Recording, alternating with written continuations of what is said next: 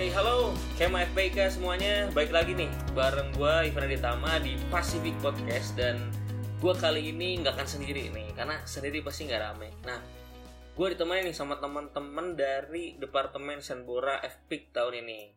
Nah, ada siapa aja tuh? Halo, uh, kenalin.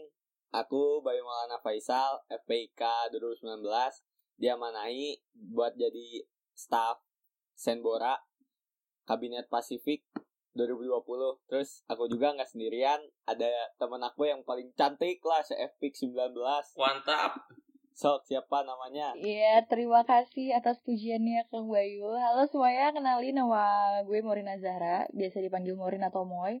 Eh, gue FPIK 19 dan bernaung di departemen yang sama sama Bayu, Departemen Senbora dan aku salah satu anak dari Kang Ivan juga di BEM FPIK Pasifik. Kabinet Pasifik. Yes, dan pastinya kece-kece banget nih ya anak-anak BEM tahun ini Dan Asik. uh, tentunya nggak kalah keren nih anak-anak dari Senbora ya. Ada Kang Bayu dan Teh Morin nih. Kita sekarang manggilnya Kang Bayu dan Teh Moe gitu Oh, ya enak. Boleh, boleh, boleh, boleh. Uh, kita akan bahas sesuatu nih kali ini dan kayaknya bahasannya lagi menarik banget nih akhir-akhir ini ya. Yaitu datangnya kabar duka dari dari maestro kita gitu ya maestro musik Indonesia yaitu ada uh, almarhum Bung Glenn Fredly gitu ya gimana nih kalau dari Morin sendiri kaget gak sih dengar kabar ini Jujur aku kaget banget karena waktu berita si Glenn Fredly ini meninggal, itu posisinya kita lagi bahas ini, Bay. Apa? Lagi bahas konsepannya Iya, iya. Sembora bikin konten. Ya, konten, Nah. ya Iya, di saat aku lagi brainstorming ya bikin konten, pas ngecek HP tiba-tiba ada kabar dari salah satu rekan kita juga di Sembora. Guys, berita duka, Glenn Fredly meninggal. Terus shock banget kan, karena kan selama ini nggak pernah ada beritanya kan. Dia mengalami riwayat sakit apa-apa. Iya benar benar pas aku cek aku googling terus biasalah lihat-lihat eh, info dari Instagram ternyata benar meninggal karena meningitis benar-benar kalau lu baik gimana bay Kalau aku sih sama shock banget soalnya gimana ya waktu eh, kan nggak di udah jarang gitu Glenn Fredly tampil di ini lagi gitu di layar kaca. Terus tiba-tiba dapat kabar malah kabar duka. Terus liatnya juga itu dari Insta story teman-teman sih eh rest in peace Glenn Fredly. Terus aku nanya kan oh iya meninggal asli takutnya hoax.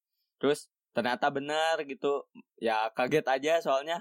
Bener tadi kata Morin nggak ada apa ya kayak nggak dipublis. Nggak ada beritanya kan? Iya nggak nggak dipublis gitu. Dia eh, punya riwayat penyakit meningitis ini terus tiba-tiba meninggal aja. Iya Kayak- iya. kaget kaget sumpah kaget. Parah kan? Kaget parah. kaget Aduh. kaget. Dan kemarin tuh ternyata di hari Rabu ya Rabu kemarin tanggal 8 April 2020 tepatnya jam 6 oh sore iya tuh. seminggu yang lalu ya. Iya di rumah sakit di Jakarta di Fatmawati. Mhm. dan Glenn ini meninggal di usia yang muda sih. eh, 44 tahun dan masih muda ya 44 tahun. tahun di karirnya yang sekarang lagi di puncak-puncaknya gitu Iya. ya dan kaget gitu semua orang Indonesia pasti wah kaget lah eh, bisa meninggal gitu ya dan paling menyedihkannya tuh eh, kebetulan si almarhum ini baru menikah tuh bulan eh tahun kemarin ya 2019 dan anaknya baru lahir Februari kemarin 2020 Bener-bener Iya, ya, sedikit sumpah, cerita nih. Temo jadi gue tuh nggak sengaja tuh kemarin lihat di YouTube kan ada salah satu cuplikan eh, konsernya Glenn tuh Mm-mm. di tanggal 29 Februarinya nah di tanggal Oke. itu dia lagi manggung dan eh, di akhir manggung dia tuh nangis karena dia bilang di malam itu mungkin teman-teman eh, semua ya kayak Efik bisa ngecek di YouTube ada pesan-pesan Glenn di konser itu tanggal cari aja 29 Februari nah di konser itu Glenn seolah seperti yang menangis bahwa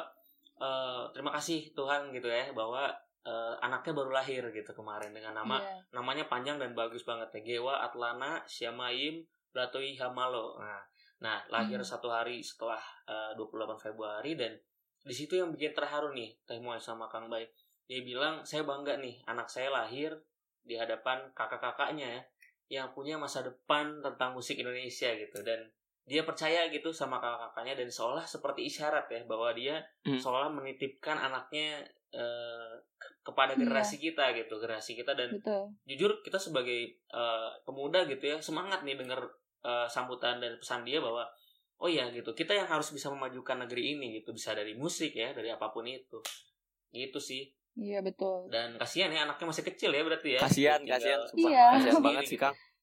Masih baru berapa bulan? Belum nyampe sebulan malah. belum nyampe ya Eh Enggak. udah dong. Oh iya Udah ya, ya? oh iya. Aduh. Iya iya Hampir iya ya? iya. Iya. Sekarang ya, sekarang untung April, jadi- sekarang April.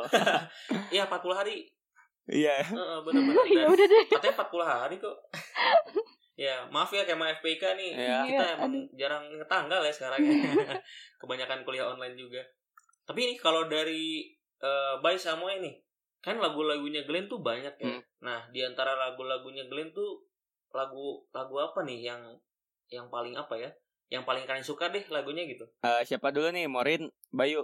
Bayu dulu deh Bayu, Bayu dulu Bay? deh. Oke. Bayu kayak banyak pengalamannya. mantep banyak banget Waduh. nih gimana Bay Banyak gimana? Eh, dengerin Glenn Fredly tuh waktu ini kalau misalnya teman-teman Kema tahu waktu SD tuh 2010-an gitu ya. Ada ini yang MTV gitu, MTV di TV swasta oh Global iya TV. bener-bener di Aku global pulang, tuh ya, inget banget ya pulang pulang pulang sekolah SD tuh langsung buka itu soalnya kan sesudah itu biasanya suka ada kartun SpongeBob. Jadi Oh, flashback dia ya.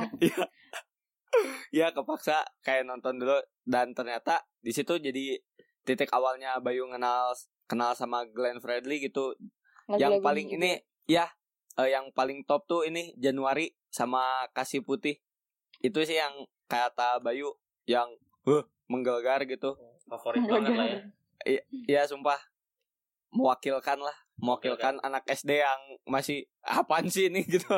Ya, mungkin Tapi, kita kita ya. cari tahu ya, Bay ya. Kita eh, mungkin baru Iya. cerita nih kenapa nih Januari sama Kasih Putih ya sangat-sangat apa ya jedar banget nih buat Jedar. Gitu ya jedar banget dan kalau dari Moy gimana nih Moy lagu apa nih Moy yang yang paling favorit nih Yang paling favorit ya. Kalau dari aku sendiri sih akhir cerita cinta sih. Aduh kayaknya bakal dalam nih ya ceritanya ya bakal panjang nih podcast kali ini nih. Iya sih. Enggak sih, maksudnya gimana tuh em, Akhir cerita cinta ini lagunya sangat mewakilkan perasaan bagi sebagian orang yang lagi ambiar ya. Ambiar banget ya Ambiar. Ambiar, oke. Hmm, Oke. Dan memang akhir cerita cinta ini emang beberapa waktu lalu cukup eh, mewakilkan sih perasaan aku. Jadi kayaknya untuk sekarang-sekarang yang most favorite lagunya Glenn itu ya ini akhir cerita cinta. Tapi sebenarnya semua lagu Glenn tuh enak-enak. Nah, Dan kalau misalnya ditanya mau favorit, susah sih sebenarnya pilihnya karena bergantung mood gitu. benar-benar Kalau moodnya lagi Hmm. galau banget, habis putus Januari, benar gitu sih tergantung mood. benar. Sesuai sikon ya. sesuai Sesuai sikon ya. sikon sih. Jadi lagu-lagu Glenn akan apa ya? Akan memenuhi kebutuhan sikon Anda gitu ya. Sikon Iya. apa pun yang sedang Anda lalui akan ada gitu lagu-lagu Glenn. Dan memang ya teman-teman Kema Epic semuanya lagu-lagu Glenn itu dari awal gitu ya, mungkin tahun 2000 sekitar 2000-an ya sampai sekarang selalu menciptakan karya-karya yang eh, selalu diterima gitu ya sama masyarakat. Jadi selalu selalu Betul. di selalu enak ya kayaknya nggak ada lagu-lagu Glenn yang meskipun Glenn yang sama Tulus gitu ya sama Yofi bikin lagu itu pun nggak ada yang nggak enak gitu selalu pasti enak Nah, iya benar. gitu dan kalau gue Ngena, nih ngena banget.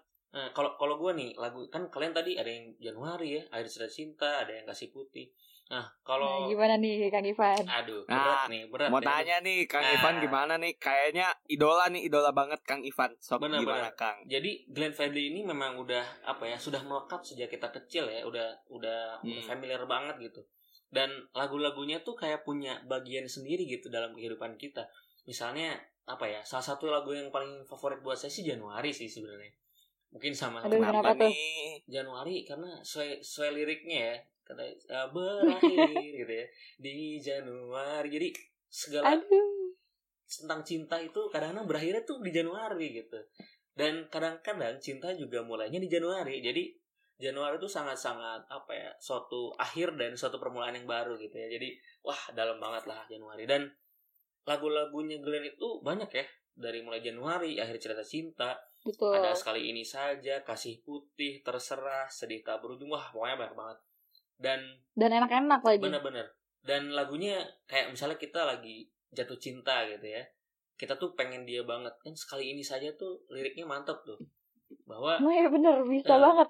apa ya bahwa eh, kalau misalnya kita pengen tuh Tuhan tolong lah gitu ya kasih kesempatan buat kita sekali lagi gitu ya untuk mencintanya ih kayak aduh Aduh, dalam banget gitu ya ngena Dan- banget ya. bener-bener dan ketika kita lagi bucin juga Au, ada bocin. kisah romantis gitu au kan, ya. bucin. dengarlah sayangku ya kayak bucin kan eh habis bucin Betul. putus kan nah Aduh, akhir sedih cerita banget cinta apa tuh lagu yang cocok? ini Waduh, ini harus harus- aku lewati waduh itu dah sedih Aduh. banget eh tiba-tiba Ambiar, di lagi Januari tuh ya, ambiar-ambiarnya. tiba-tiba di Januari tuh aduh gimana ya? Padahal kita tuh udah pengen dia karena kita pada satu cinta gitu ya.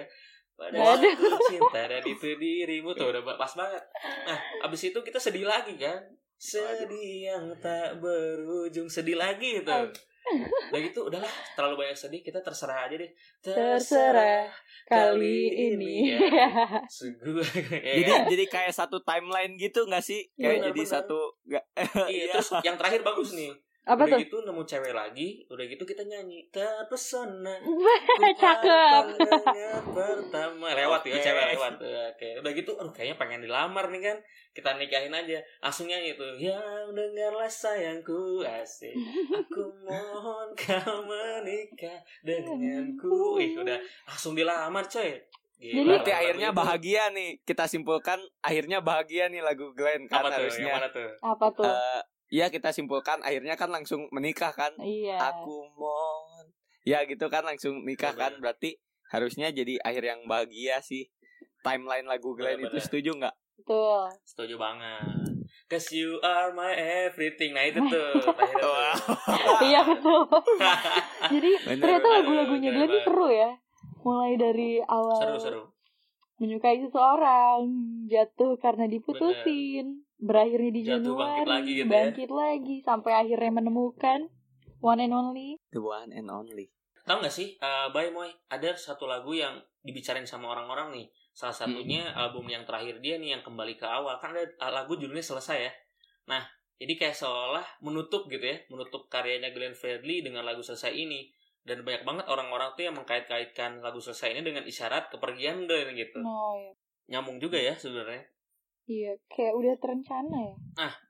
Belum cerita nih tadi, Bayu nih, Bay, kan tadi suka banget nih sama Januari sama Kasih Putih. Kenapa tuh? Ada cerita apa tuh waduh. balik lagu itu? Nggak apa-apa ini bongkar aja nggak apa-apa lah. Bongkar aja, Bongkar, Mas bongkar.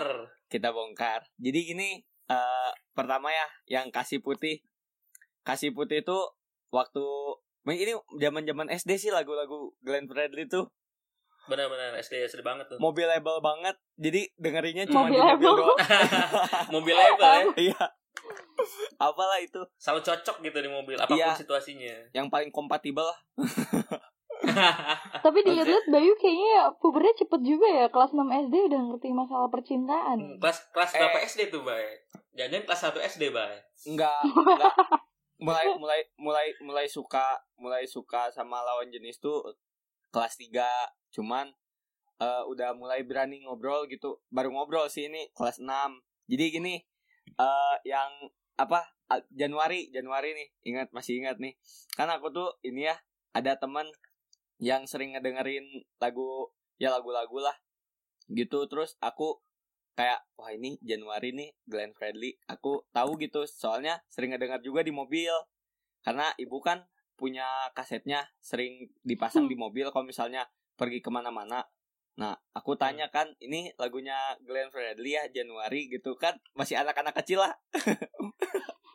Lucu banget lucu banget. Eh, aku Eh. aku nanyanya eh ini lagu Glenn Fredly ya yang Januari? Terus dia jawab iya emangnya kenapa? Gitu.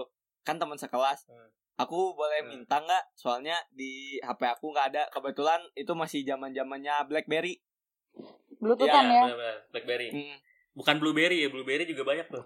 Iya ada ada sih yang BlackBerry cuman cuman HP Bayu waktu itu BlackBerry Kang Oke. Iya, oke. Terus terus terus Menarik kayak minta- infonya Bayu. min- minta minta Bluetooth kan eh, btw itu yang yang aku suka itu cewek yang aku suka terus kan kayak ini jadi jembatan aja gitu biar aku ngobrol sama dia sebelumnya kayak oh cantik gitu cuman belum berani ngomong gitu gimana sih anak-anak Oh. SD iya Jadi lagu si Januari Bener, ini bener. menjadi topik awalan Bayu ya Iya, mendekati bener. seorang Setuju. perempuan. tapi nggak jadi nggak jadi sih Aduh Cuma- sedih. Iya. akunya nggak berani ngomong Iya. banget. aku akunya nggak Iya, berani iya. ngomong akunya nggak berani ngomong belum berani ngomong cuma Oh, belum. ya ngobrol biasa gitu tapi pas ini udah di ini boleh ngedengerin bareng nggak gitu terus dia setel gitu lagu eh, handphonenya di atas meja sambil ini apa istirahat kan biasanya Benar. eh, kalau istirahat aku sering keluar main bola keluar kelas gitu main bola atau enggak main kalau di Bandung tuh ini tau gak sih popolisian kak Kepolisian.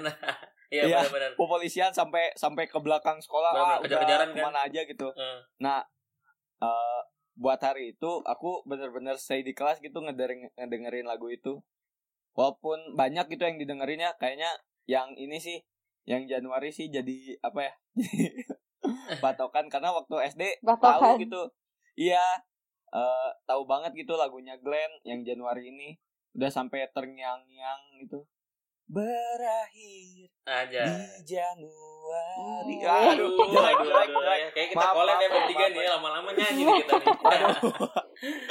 Aku tak Kasih Lama-lama podcastnya pindah haluan nih jadi live music. Iya, benar. Waduh. Jadi Pacific Oh iya Live ya, Music ya. live. Kita bikin Waduh. aja ya. Cok aku bagian pegang kabel. Ya, benar-benar. Sepakat ya, ya? Waduh. Boleh, boleh. Nih, kalau kalau Bayu tadi menarik banget nih ceritanya mulai SD ya. Kalau Iya. kalau mau gimana mau ceritanya mau? Kayaknya sedih banget. ya. Siapin Aku- tisu ya teman-teman semua ya. Moy. Enggak lah. Um, sebenarnya tadi aku bilang kan, eh lagu-lagunya Glenn ini semua sebenarnya eh enak-enak. Dan kalau misalnya ditanya favoritnya ya tergantung sama sikon yang lagi kita rasain. Iya, bener, bener banget gak sih? Bener setuju. Nah, cuma kan akhir-akhir ini aku lagi suka lagu Akhir Cerita Cinta. Waduh. Aduh, Kenapa, tuh? kenapa, Kok kenapa, akhir-akhir kenapa? ini kenapa Penasaran ya, Kang, ini ya? Akhir cerita cinta gitu. Penasaran, eh. Akhir Cerita Cinta dan lagu Januari sih. Kayak mereka, karena dua lagu itu kayaknya ini banget sih. Eh, relatable banget dua lagu itu sama aku. Kenapa tuh? Mhm. Kenapa ya? Gak kenapa-napa sih, enak aja lagunya. Jadi kayak in the mood pengen dengerin aja. Nggak ada kisah yang gimana-gimana. Mudah-mudahan berakhirnya cerita cinta adalah berpermulaannya cerita bahagia gitu ya. Waduh. Mudah-mudahan. Aduh, amin. amin. Nih, mau denger cerita ada gua dulu gak nih? Ada cerita menarik juga nih. Mau Ada, Boleh, ada tiga boleh. malah. kayaknya Nih, Tiga. kayaknya ini nih Tiga apa nih. Kang Ivan eh ini banget ke Glenn kayaknya. Fans banget gitu ya. Iya. Bener, fans banget emang. Dan eh, salah satunya lagu ini sih, Pada Satu Cinta. Jadi, Pada Satu Cinta itu kan lagu yang mengisahkan kita tuh sebagai seorang lelaki yang yang apa ya? Yang tak lepas dari godaan kan gitu ya. Kayak Hmm. eh, kayak kita tuh kalau salah kita minta maaf gitu ya. Tapi kita tetap kok pada satu cinta. Pernah sih lagu ini dibawain, Ivan nyanyi nih lagu ini eh, buat seseorang gitu. Karena Waduh. pengen Aduh, maaf sebenarnya kayak Aduh. semoga ini nggak denger ya. kalau denger bahaya nih. Nah, jadi pada cinta ini lebih ke permohonan maaf sih sebenarnya kan romantis ya kalau nyanyiin buat orang tuh kena gitu permohonan maafnya. Itu sih satu Apalagi sih. sambil Terus- gitar sendiri gitu kan. Bener-bener. Dan apa ya? Cerita kedua sih lebih ke kisah romantis nih. Tapi nggak disebut orangnya sih. Cuma ada seorang dulu yang kayaknya apa ya cocok banget lah. Kayak pengen dia tuh jadi jodoh kita gitu ya. Nah, bener-bener tiap hari ya, hampir tiap hari tuh nyanyi kisah romantis. Karena kayak ngebayangin kita nyanyi kisah romantis di depan dia langsung. Coba bayangin. Aduh. Ada apa sih liriknya aku lupa nih. Kedatikan ada gitu ya. Terus pokoknya ref ya. Oh, iya, iya. Ya dengarlah sayangku, aku mohon Mohon kau menikah denganku. Oke. Kayak sampai menikah cuy. Dan tadi menikah tuh beneran, beneran kayak pengen nikah sama dia gitu. ya. Jadi tiap hari tuh nyanyi kisah romantis. Waduh, Aduh, kayak perasaan. Kang Ivan tuh dalam banget ya kalau Dalam udah banget. menyukai seseorang. bener gitu ya. Itu kayak lagu ngajak taruh gitu ya. Waduh. Kayak berat banget kayaknya. Dan apa ya? Mungkin satu Kenal lagi. maka taruh. Nah, semangat lah, semangat lah. Ya. Nah, yang terakhir lagu ini sih, lagu lagu apa ya? Yang eh, You Are My Everything sih. Mungkin teman-teman ada yang familiar, ada yang enggak gitu ya. Nah, You Are My Everything ini Hmm. sebenarnya bukan kisah cinta sih, tapi kisah kisah lama ngeband sebenarnya. Jadi dulu tuh seneng banget ngeband dari SD tuh udah ngedrum sebenarnya dan sejak SMP dan SMA punya band sendiri dan di SMA itu di band SMA ya kebetulan saya dari SMA 5 Bandung dan punya school band nah Wow. school banding ini dan teman-teman saya yang lainnya juga punya band di luar schoolnya dan selalu bawain lagu You Are My Everything gitu. Nah, teman-teman bisa cek di YouTube nih ada You Are My Everything-nya Glenn yang di uh, cover tuh di net kalau nggak salah.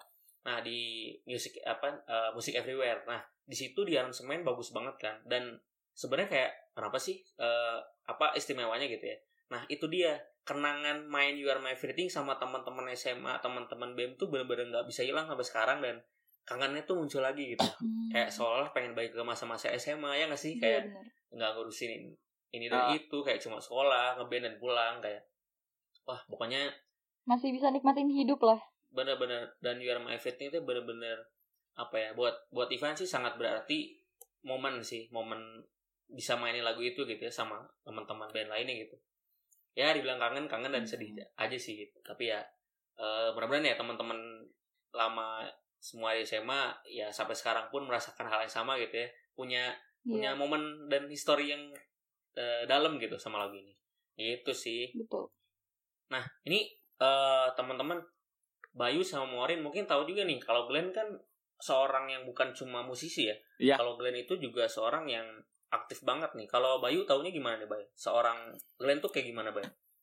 eh gimana ya kalau misalnya dibilang bisa jadi panutan sih soalnya gini ya eh kan eh, Glenn Fredly itu lahirnya di Jakarta tapi bawa darah Maluku. Dan dia sempat nyanyi pada tahun 2005 itu pas eh, tsunami di Aceh. Tsunami di eh, bencana alam tsunami di Aceh. Terus kemudian mereka ya mereka soalnya dia eh, nyanyi kelompok gitu. Indonesian Voice sama eh, Duta Selawan Seven sama Fadli Padi. Judulnya itu kita untuk mereka yang didedikasikan buat korban tsunami di Aceh. Kayak gimana ya? Kan gini, eh maaf ya kalau misalnya terlalu sensitif. Glenn Fredly kan beragama Kristen sedangkan mayoritas masyarakat di Aceh beragama Islam. Nah, tapi dia nggak kayak nggak ngerasa oh gua ini gua ini enggak gitu, tapi benar-benar. dia pride-nya pride Indonesia mereka keluarga saya karena mereka dari Indonesia saya juga harus bantu sebenarnya jadi panutan aja terus jadi cambuk gitu buat Bayu sendiri jadi harus tetap baik aja gitu selama dia Indonesia berarti Bayu juga harus hormat sama Benar-benar. apa ya menghargai gitu sih Benar-benar. Kalau Moy sendiri gimana, Moy? Melihat sosok Glenn tuh seperti apa? ngeliat sosok Glenn em kayak Glenn itu termasuk orang yang ramah ya di dunia musik soalnya kenapa Eh, bisa dilihat juga karena kepergiannya kemarin kan mendadak ya dan sempat lihat gak sih yang berita eh yang Judika sama Maya Estianti live bareng dan mereka tahu eh Glenn Fredly meninggal di situ kan kelihatan banget ya eh Judika se-shock itu sampai nggak bisa nampung banget air ya. matanya jadi yang aku lihat kayaknya Glenn tuh orangnya yang memang ramah dan mungkin apa ya me- termasuk orang-orang yang bukan hanya bermusik itu untuk menghasilkan karya terus dipublish gitu untuk mendapatkan eh, keuntungan tapi emang dia orangnya yang memang menjalin hubungan baik sama musisi lainnya gitu peduli sih jatuhnya peduli ya iya kayak gitu sih Dan Glenn itu juga ternyata teman-teman kalau boleh cerita ya. Jadi dia tuh ternyata punya judul juga dulu punya lagu nih. Judulnya Tanah Perjanjian di mana lagu ini itu ternyata dia menunjukkan kepriha- keprihatinan dia, Mhm. kemudian dia sama-sama saya di Papua. Jadi Bung Glenn ini sangat-sangat toleransi banget gitu ya orangnya. Dia memperjuangkan eh, saudara-saudara kita yang ada di timur gitu ya.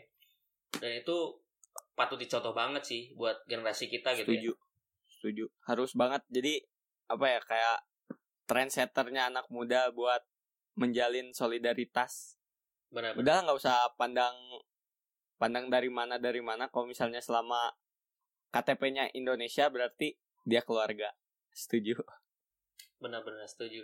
Dan ternyata dia juga pernah loh jadi seorang produser produser film juga Oh, iya? gitu ya. Yang saya sempat baca ada filosofi kopi juga merupakan eh, diproduserin sama dia gitu. Keren banget ya. aku baru tahu loh Kang aku baru Benar-benar. tahu loh Iya nih, aku juga cari-cari tahu. Mungkin teman-teman Kemal lainnya mungkin banyak yang lebih cerita cari tahu nih tentang eh, Glenn itu seperti apa Hmm. gitu ya. Tapi yang jelas sangat-sangat Terus, eh, inspiratif aku juga banget. baru gitu. baca-baca nih eh Glenn itu ternyata kontribusinya tuh banyak juga loh dia termasuk pendiri kami kami musik Indonesia. Di, itu termasuk forum yang mewadahi para musisi Indonesia.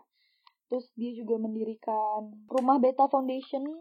Jadi Rumah Bet- Beta Foundation ini yayasan badan sosial yang berfokus pada edukasi dan budaya di Indonesia.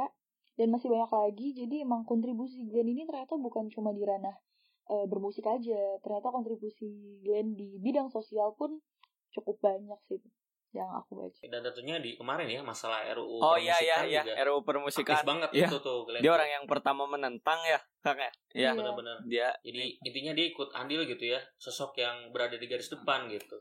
Bahkan sih sempat baca juga di salah satu berita bahwa dia dianugerahi oleh oleh Kementerian Kebudayaan kalau nggak salah, kalau dikoreksi ya kalau salah, tapi sempat dikasih Hmm. penghargaan juga, tapi lupa tuh. Pokoknya keren banget. ya. patut dicontoh sih jadinya kayak selain kita cuma buat eh selain di satu sisi bermusik menghasilkan karya di sisi lain tetap memperjuangkan hak-hak eh, manusiawinya kayak hak untuk bermusik terus hak-hak mem- eh, apa membantu hak orang lain juga dalam mendapatkan eh, kehidupan sosial yang lebih layak seperti itu Kalau kalian sendiri eh, tahu kan Glenn juga suka Iya, collab ya betul. sama teman-teman musisi lainnya.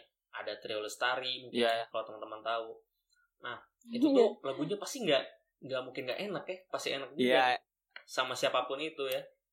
nggak tahu memang udah ini sih Kang kalau Glenn tuh memang udah dari bakatnya udah nggak bisa di apa ya nggak bisa diambil bakatnya walaupun collab sama siapa pun pasti karyanya amazing amazing Amazing, amazing ya. banget Dan ini nih, Bay sama Moy.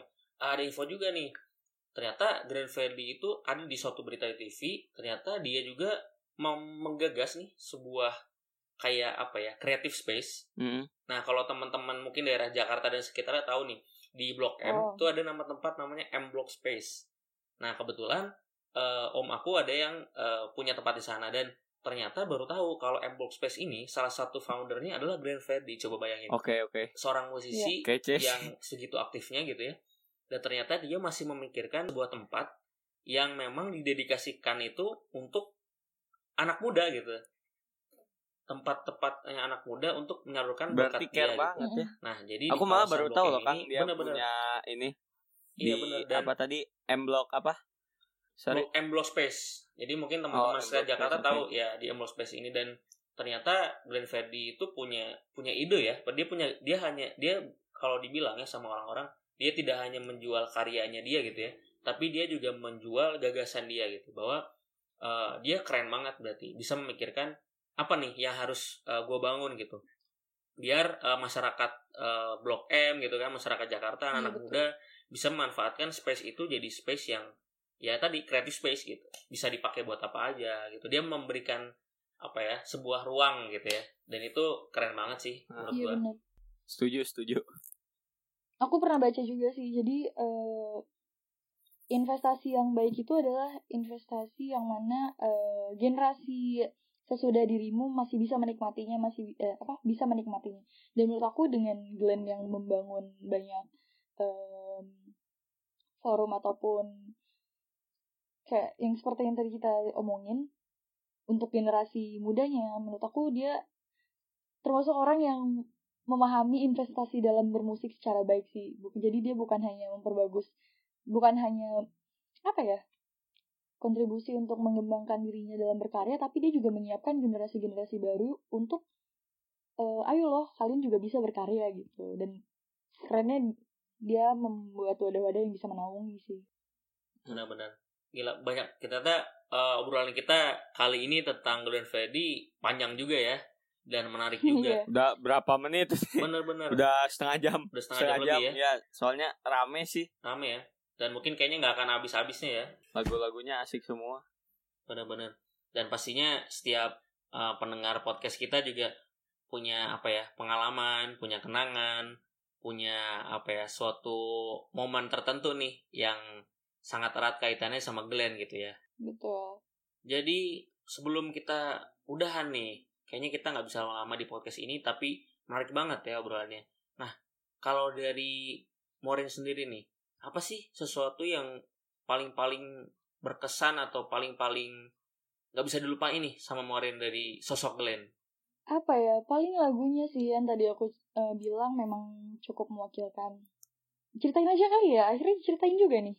boleh boleh boleh Misalnya kayak tadi aku bilang Suka nih yang bongkar-bongkar rahasia tuh. Suka Kayak- saya. lagu akhir cerita cinta gitu kayak ada liriknya yang bener-bener aku jadikan patokan bagian ref sih. Yang biarkan kini ku berdiri melawan waktu. Untuk melupakanmu walau sakit hati namun aku bertahan. Itu kayak kayak apa ya? Kayak nggak sembarang orang bisa melakukan hal itu gitu kayak tipikal-tipikal orang yang memang setia terhadap satu orang dan lirik tadi tuh kayak mewakilkan banget. Jadi aku yang paling berkesan sih yang akhir cerita cinta. Cuma bedanya kalau di akhir ref dia bilang namun aku bertahan, kalau aku tidak bertahan. Karena Hmm. untuk apa kita mempertahankan orang yang tidak mempertahankan kita balik? Kalau aku paling berkesan akhir cerita cinta sih sama paling Januari. Karena semua ceritaku berakhir di Januari. Oke oke. Banyak Eh, banget jadi ya. versi curhat ya. Iya nggak apa-apa. Kalau Bayu Gak gimana apa-apa Bay? sih, saya jadi tahu. Oh, kita jadi tahu ya Bay. Oke oke. Ini semua Saya jadi tahu. nih. atau memang sudah tahu? Jadi tahu ya. Oh, saya jadi tahu di sini mah. Iya sama Bay. Ayo Bay, gimana Bay? Kalau lu gimana Bay? Ah, kalau aku dari sosok Glenn Fredly, aku lebih terkesan sama ah, sifatnya yang toleransi banget. Buktinya yang tadi sempat aku sebutin, eh, dia bikin lagu kita untuk mereka yang ditujukan untuk korban tsunami di Aceh.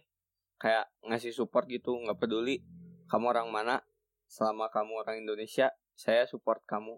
Kayak gitu sih.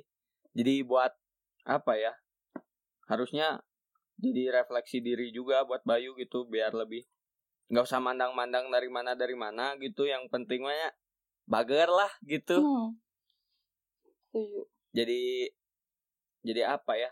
Kok dibilang mah eh idola lah dalam bidang ini buat toleransi. Bayu harus bisa lebih untuk menerapkan toleransi di masyarakat.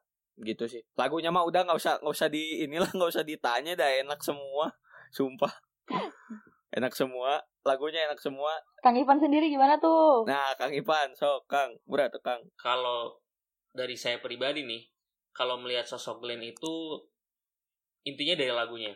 Kenapa dari lagunya? Karena saya eh, orang yang cukup lama mendengar musik Glenn dan emang suka musik ya dari kecil. Nah dari musik itu kita mendengar nada-nadanya Glenn gitu, nada-nada khasnya Glenn, terus lirik-liriknya Glenn, dan itu yang paling nggak bisa dihilangin, benar. Dan itu nggak ya. akan bisa hilang di kita gitu. Kayak nada-nadanya yang ya nggak semua orang bisa istilah gini, nada bisa diciptakan, tapi nada nggak bisa dimainin enak kalau bukan sama Glenn gitu. Jadi Glenn ini ya yang yang bikin enak cuma Hmm. Glennnya gitu. Dan apa ya lirik-liriknya itu dari satu lagu ke lagu yang lainnya, liriknya selalu apa ya puitis lah ya lagunya selalu puitis selalu kena gitu dan satu salah satu lagu ya. ya dan salah satu yang membuat saya selalu semangat sampai saat ini adalah eh, kisah romantis yang pasti kenapa karena ya mungkin teman-teman bisa dengar lagunya apa liriknya di depannya bilang gini mengejar dirimu takkan ada habisnya membuat diriku menggila gitu ya. Bila hati ini menjatuhkan pilihan apa pun akan kulewati. Nah di sini Aduh menunjukkan banget kepercayaan dirinya gitu ya seorang Glenn bahwa ketika gue mau ngejar lu gitu dan apa pun yang akan dilew- dilewati gue bakal ngelakuin itu. Dan dia bilang intinya adalah se- seorang lelaki gitu ya seorang Glenn ini bilang jujur sama orang-orang semua bahwa hari ini yang sangat penting dan aku mau nanya nih sama kamu gitu ya dengarlah sayang gitu kan permintaanku ini gitu kan aku mohon padamu aku mau menikah sama kamu dan hiduplah denganku berbagi kisah hidup berdua di sini menunjukkan bahwa Wes. sebuah lagu, sebuah cerita, sebuah kisah, sebuah nada gitu ya, nggak akan sampai ke pendengarnya ketika nggak jujur. Makanya banyak yang bilang nih mas- musisi Iya, iya. kita bahwa bermusik itu harus jujur. Nah inilah kita kita gitu ya khususnya saya pribadi menemukan kejujuran dari Glenn itu sendiri dalam bermusik gitu bahwa dia menceritakan apa yang benar-benar dari hati dia dan keluar gitu aja gitu ya Mhm. dan satu hal lagi kalau yang menurut saya apa ya sangat penting buat kita pahamin sampai saat ini adalah statement dia bahwa kita sebagai manusia gitu ya harus selalu berkarya. Kenapa? Karena dengan berkarya kita bisa meninggalkan sesuatu. Kalau kita nggak berkarya orang nggak tahu nih kita menghasilkan apa kita Iya, bisa betul. menciptakan apa kita meninggalkan sesuatu gitu nah Glenn ini membuktikan bahwa lagu yang dia buat ya hanya sekitar 3-4 menit satu lagu tapi akan didengar oleh banyak orang dan akan bertahan lama gitu ya dan lagu ini Hmm. nggak akan pernah habis masanya sampai kapan pun gitu Setuju banget. Setuju, Dan setuju, setuju. itu adalah itu adalah esensi yang dia bilang bahwa teruslah berkarya karya gitu ya karena dengan berkarya kita bisa meninggalkan kebaikan-kebaikan gitu. Mhm. dan lagu-lagunya kan juga memberi bukan cuma galau ya tapi memberikan semangat sama kita Iya betul. bahwa kehidupan tuh ya begitu gitu. Bahwa dia pun meninggal dan dia meninggalkan sesuatu gitu. Dan kita tahu oh ternyata selama ini di hidup ini nggak ada yang abadi. Semuanya akan berakhir dengan meninggal. Tapi apa yang kita sudah lakukan gitu? Bukan buat diri kita buat orang lain tapi buat bangsa ini malah. Nah itu Iya, yang paling kita sangat-sangat harus lihat dari sosok Glenn gitu Dan harusnya kita contoh sih ya sebagai generasi muda. benar banget nih Mario. Harus sih, wajib, wajib itu mah wajib. wajib pisan ya. Dan mungkin segitu ya eh, obrolan panjang kita nih soal Glenn yang Iya. seru banget ya. Dan mudah-mudahan iya semua semua pendengar kema eh, yang mendengarin ini gitu ya, semoga yang galau makin galau gitu ya. Enggak jangan. Oh, jangan, Jangan dong. galau, jangan Harus galau tetap ya. harus terus semangat ya. Happy. Harus, Harus happy. happy meskipun di rumah aja Jatuh kita tuh untuk bangkit. Iya. dan semoga ya bahasan kita kali ini nggak cuma ngobrol uh, panjang tapi juga bisa banyak pelajaran dan makna nih yang bisa didapetin sama Kema semuanya dan mungkin segitu aja ya podcast Pasifik kali ini gua Ivan Gua Bayu. Dan gue Morin. see you in the next episode